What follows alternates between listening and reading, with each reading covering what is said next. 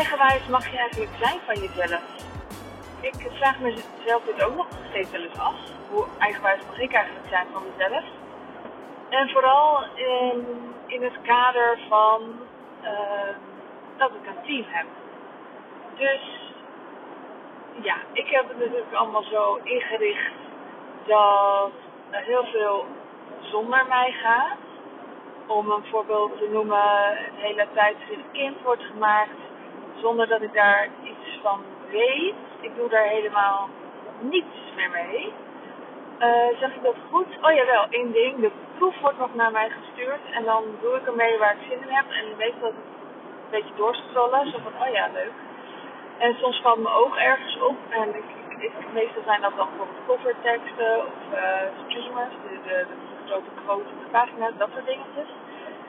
Um, maar nou ja, daar doe ik ook niet veel mee. En een heleboel andere organisatorische dingen gaan ook buiten mij om. En wat daar dan weer bij komt, als je dan een bedrijf hebt dat zo ingericht is dat je het samen met een team doet, is de vraag hoe eigenwijs mag ik nog zijn van mezelf? Want het is toch heerlijk als al die processen dan lopen en het is organisatorisch allemaal uh, in kannen en kruiken. En dan is het dus storend als je het allemaal weer anders wil. Nou ja, ik zit nu in een fase dat ik het allemaal weer anders wil. Nou, nou ja, niet allemaal hoor. Maar er zijn dingen die anders uh, mogen. En dat ga je allemaal nog wel horen een keertje. Als je daar zin in hebt in ieder geval. Of je moet gewoon je oren dicht doen, dan hoor je het dus niet. Maar dan ga je het misschien lezen en dan moet je het whatever. Oké, in ieder geval. Um, het is heel erg in mijn eentje Ik hoop niet dat je, dat je je niet gezien voelt, gehoord. Ik maak deze podcast voor jou. Dus, er gaan dingen veranderen en uh, waarschijnlijk hoor je wel uh, wat dat zal zijn. Maar in ieder geval is het voor mij elke keer wel weer de, de zoektocht. Hoe eigenwijs mag ik precies zijn?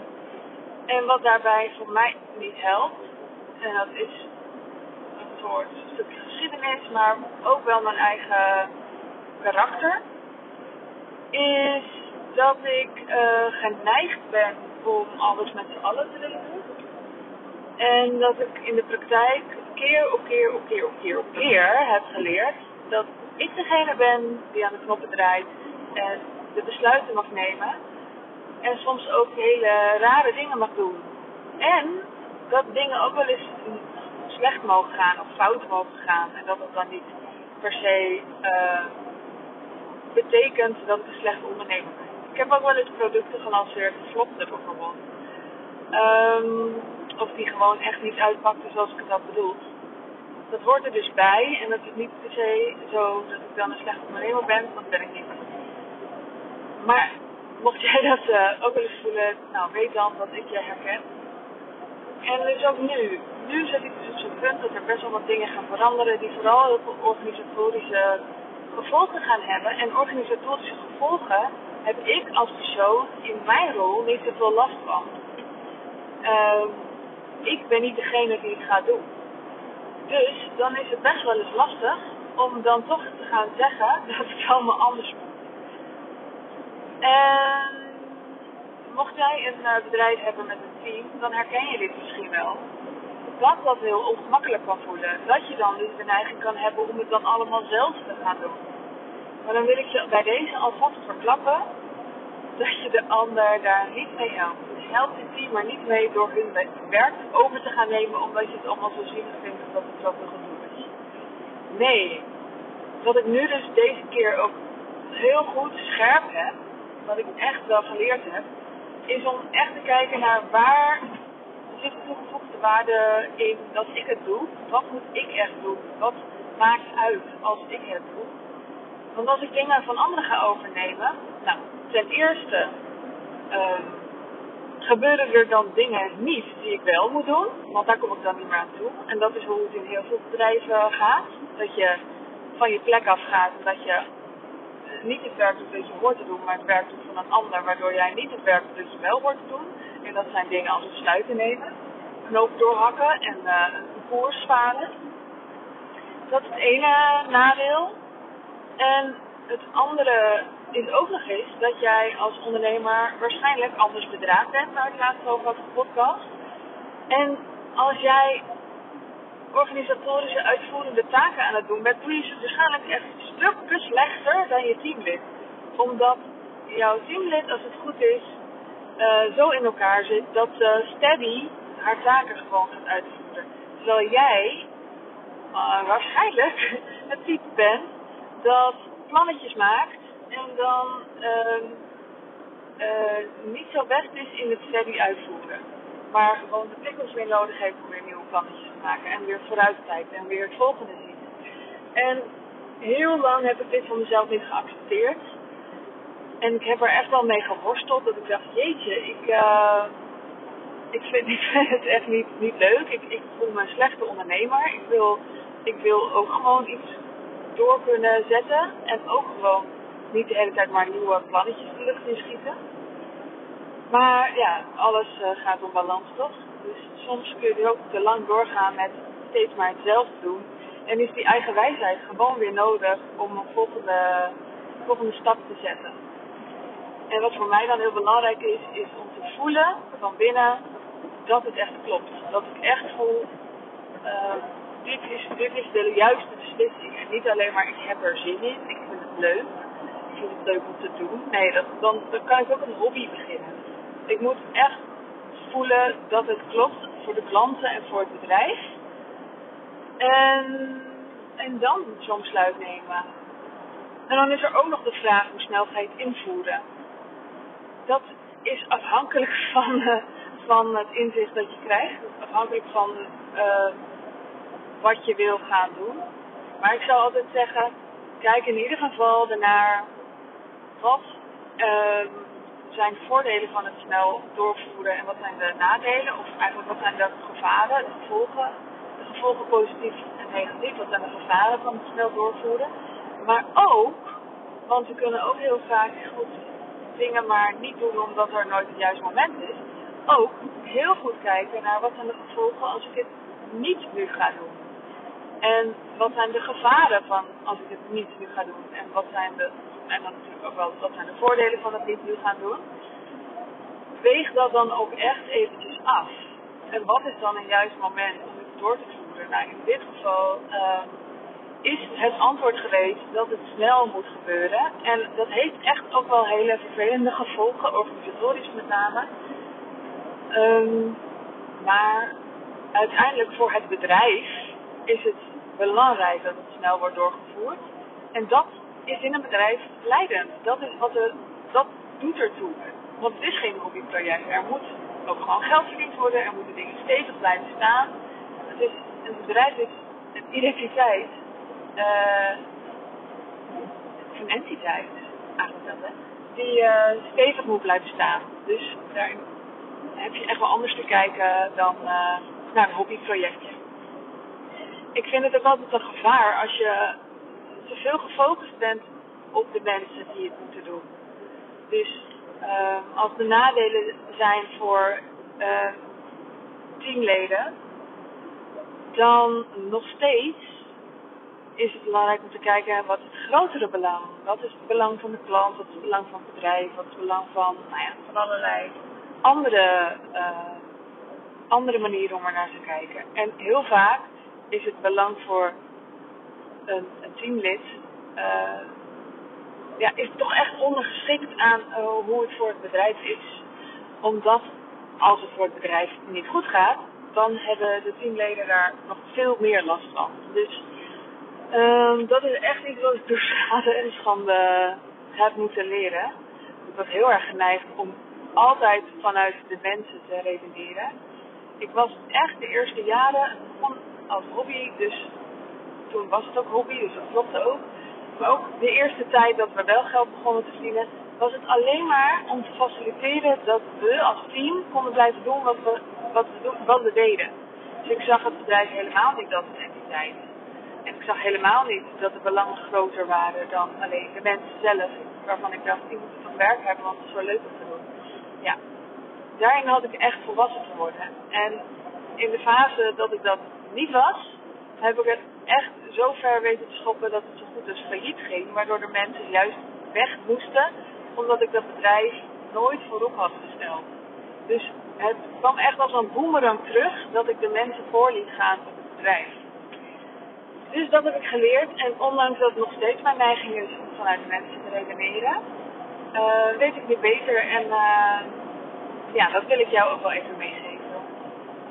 Ja, natuurlijk is er altijd, is het altijd gewoon vervelend of lastig of baalt iemand. Ja, ik snap het.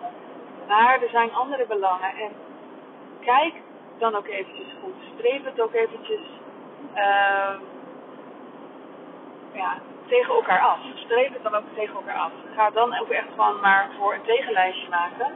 Ik ben helemaal niet zo voor, voor een tegenlijstje. Ik ben veel meer voor je gevoel volgen, je intuïtie volgen en voelen wat klopt. Maar als je dan voelt wat klopt, dan kun je wel zo'n lijstje maken om te kijken wanneer ga ik het dan doen. Als alleen nog maar de vraag is wanneer ga ik het doen, zou ik zo'n voor- en tegenlijstje maken. Als de vraag is ga ik het doen, dan zou ik zeggen wat zegt je gevoel en uh, volg, daar, volg dan je gevoel. Ik weet nu eigenlijk niet meer of ik er nou een podcast over had opgenomen, dus ik ga het toch eventjes zeggen, vertellen. Dit is trouwens voor mij echt het nadeel van podcasts. Dus dat als ik ze opgenomen heb, dan zijn ze volledig uit mijn hoofd. En dan weet ik ook niet meer wat ik eigenlijk in de vorige afleveringen gezegd heb. Dat is voor mij ook wel een moment geweest dat ik even niet meer ging podcasten. Omdat ik, uh, ja, ik was echt gewoon de, de draad kwijt. Ik wist gewoon eigenlijk niet meer wat ik hiervoor allemaal wel en niet had, had gedaan en gezegd. En, en, en, en, ik dacht, oh, ik zeg allemaal overlap en zo. En ik heb besloten, nou dan, dan neem ik dat, dat er overlap zal zijn. En dat ik soms dingen dubbel zeg en dat ik soms uh, misschien wel irritant gevonden word. Daar, dat, ik altijd, dat is een van mijn grotere angsten. Irritant gevonden worden. Dus uh, daar ben ik me van bewust. Dus nu kan ik er ook wat mee. Nu ik het weet. Dat ik daar voor ben. Dus ja, misschien zul je me heel irritant vinden. Maar goed, nu zijn er dus wel podcasts omdat ik dus maar doorga. Anyway, um, ik ga nog even dus wellicht herhalen, maar misschien was het alleen een podcast idee en uh, ga ik het toch nog eens een keer helemaal uitgebreid doen. Wie weet, wie weet. Maar hoe ik besluit wat ik ga doen, is dus iets anders dan dat ik besluit wanneer ik het ga doen. Ik had het net dus over wanneer ga je het doorvoeren, hoe snel ga je dat dan doen. Maar als je wil weten, ga ik het doen of niet? Dat bedoel ik niet wat ik ga doen, maar ga ik het doen of niet? Dan doe ik het volgende. Ik ga geen voor- en tegenlijstje maken. Ik ga ook niet uh, uh, een negatief verhaal bedenken en een positief verhaal. Nee. Ik doe uh, dan aan journaling. En ik schrijf twee positieve verhalen. Dus ik ga niet schrijven van wat als ik het wel doe en wat als ik het niet doe. Nee, ik schrijf op. Ik bedoel, sorry, ik zeg niet goed. Ik ga dat wel doen. Sorry hoor voor het geval. Maar je komt wel uit ook. Ik ga dus wel opschrijven wat als ik het wel doe. En nog een keer opschrijven wat als ik het niet doe. Ik schrijf dus twee verhalen. Eerst ga ik helemaal erin mee. Wat als ik het doe? Wat zijn nou alle gevolgen? Ik schrijf het heel positief op. En wat je misschien zou verwachten. Daarna schrijf ik een verhaal. En dan schrijf ik op wat, ik, wat als ik het niet doe. Maar ik ga dat niet negatief opschrijven. Want dat is natuurlijk super makkelijk. Ik kan opschrijven, oh wat ik het niet doe, oh ja, nee, dan gaat alles mis. Nee. Ik, ik train mezelf om ook het verhaal wat als ik het niet doe, of optie B, hoe je het wil noemen. Misschien is het uh, dat je iets anders gaat doen. Ik, als je kiest tussen twee opties, kan ook. Die tweede optie schrijf ik ook positief uit. Ook weer op mijn allerpositiefst. Dus beide verhalen schrijf ik op zijn allerpositiefst uit. En wat je dan krijgt, is dat je voelt tijdens het schrijven, of als je het naleest, wat er klopt.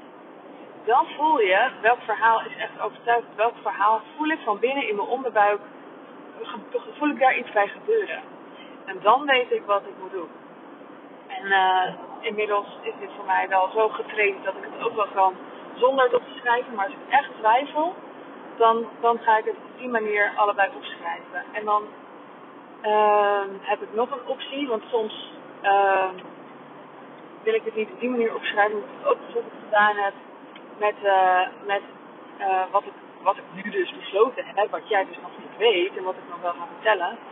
heb ik, ehm, daarin heb ik verschillende keren, in verschillende fases, dat ik het idee had van, oh, volgens mij moet het die kant op. En daarna weer, oh nee, volgens mij moet het die kant op. Ik heb meerdere keren opgeschreven, richting de klanten, uh, wat ging gebeuren. Gewoon als er, oh, race iemand langs mij, ik denk gewoon dat je het hoort. Ik weet niet hoe hard die gaat, maar heel hard. Toen heb ik gewoon geschreven, een, een, mail geschreven eigenlijk, een tekst geschreven richting de klanten waarin ik gewoon ging vertellen, dit gaat er gebeuren. En uh, toen veranderde mijn idee, heb ik gewoon een nieuwe brief gemaakt. Toen ging ik ook weer vertellen hoe, wat er ging gebeuren. En toen ging ik voelen wat er klopte. En er waren weer echt versies waarvan ik dacht, ja, dit slaat helemaal nergens op. Ja, ik wil het misschien, maar, maar ik wil dit dus eigenlijk helemaal niet. Ik voel gewoon dat dit, dat dit onzin is wat ik nu schrijf. Ik zou willen dat ik dit wilde, maar ik wil dit niet. Dus dat is ook nog een idee. Dat je het niet gaat journalen voor jezelf en wat er gebeurt, maar dat je het gewoon gaat vertellen aan anderen. Of dat nou klanten zijn, of je buren, of je vrienden. Maar schrijf het gewoon op alsof het een mededeling is waar je gaat uitleggen wat, wat je gaat doen. En, misschien ook waarom en wat er, wat er allemaal tof aan is. En voel dan of het klopt. Dat is wat ik in dit geval uh, gedaan heb. Maar goed, um, eigenwijs zijn, uh, dat is nodig als ondernemer. Je bent anders uh, in elkaar geknoopt. Je bent een ander soort mens. Er zijn allerlei soorten mensen en er zijn ook ondernemers. En niet iedereen wil een onderneming waarin je allemaal dingen gaat zitten doen. En jij wel. Um, dus je hebt nodig dat je heel eigenwijs durft te zijn. Dat je heel erg durft af te leren uh, hoe je het allemaal geleerd hebt. En ook heel erg hebt af te leren hoe anderen het doen. We kijken natuurlijk allemaal af bij elkaar. Van uh, hoe, je, hoe je dient te leven. En uh, ik denk dat uh, types zoals jij in de minderheid zijn. Dus hoe jij hebt te leven kun je niet zomaar bij iedereen gaan afkijken. Dat, ja, dat mag je ervaren. En je mag voelen wat klopt. En je intuïtie beter leren herkennen. dat was voor mij een enorm proces. En en, en, en spiegelen. Spiegelen aan mensen waarvan je denkt, ja, daar wil ik me wel aan optrekken. Ik wil die kant op. En mocht je denken, ik wil me wel aan, uh, aan uh, optrekken, nou dat kan. Ik ga weer starten met zachte bouwers. Um, je kunt daarvoor, ja, ik weet niet wanneer deze podcast online komt en hoe snel het allemaal gaat, maar ik denk dat het nog niet op de site staat. Maar um, hou de podcast in de gaten of stuur me even een pb'tje met wat je interesse hebt. Dan zorg ik ervoor dat je uh, op de hoogte gehouden wordt. En dat is dus Sandy Zachte met twee i's, hè. Dat uh, laat je denk ik wel door. Op Instagram. Um, en op de site staat het misschien nog niet. Misschien wel. Je kunt even kijken op sandyzachte.nl. En ik wens jou voor nu een hele fijne ochtend, middag, avond, nacht. En tot de volgende keer. Doei doei! Oh ja, nu je toch nog luistert, ik heb besloten dat mijn traject Zachte Bouwers weer gaat starten. Vorig jaar heb ik het als een intensief traject aangeboden. Dit jaar maak ik hem voordeliger en kun jij voordeliger meedoen. En ik heb ook nog een lekker dik vet aanbod. Want als jij aanmeldt voor 31 januari, dan krijg je nog een lekkere korting. Kijk dan op sandyzachte.nl bij Zachte Bouwers. Ik zal je even iets meer vertellen over het programma, want je gaat uh, leren hoe je veel meer rust in je leven inbouwt, maar toch je bedrijf laat groeien. Ik heb dat zelf ontdekt door, nou ja, door schade en schande en zo. Um, ik heb veel te hard gewerkt, ik heb te zacht gewerkt, ik heb te veel gedaan wat niet bij me hoorde, ik heb te weinig gedaan wat wel bij me hoorde. Ik heb het allemaal ontdekt en ik wil jou uh, eventjes helpen om een paar fouten te voorkomen. En het is echt wel um, een heel uitgebreid uh, traject met heel veel modules. En je hoeft niet allemaal, allemaal te doen. Maar je kunt er gewoon lekker een jaar lang in struinen. We gaan acht weken samen op. Dus acht weken lang uh, zijn die modules uh, sowieso beschikbaar. En ga ik elke week een QA doen met het als onderwerp uh, de module. Dus dan kun je ook gewoon al je vragen stellen. Ik zal dan altijd even samenvatten wat er in die module geweest is. En dan is er heel veel ruimte voor vragen. En het is dus ook een stuk voordeliger dan vorig jaar. Je kunt kijken op sandyzachte.nl. Kijk bij Zachte Bouwers. En tot en met 31 januari is er dus een dikke vette vroege vogelkorting voor jou. Kijk vooral eventjes. En mocht je vragen hebben of mocht je je afvragen of het echt voor jou is, Zoek me op op Instagram bij Sammy Zachte. Doei doei!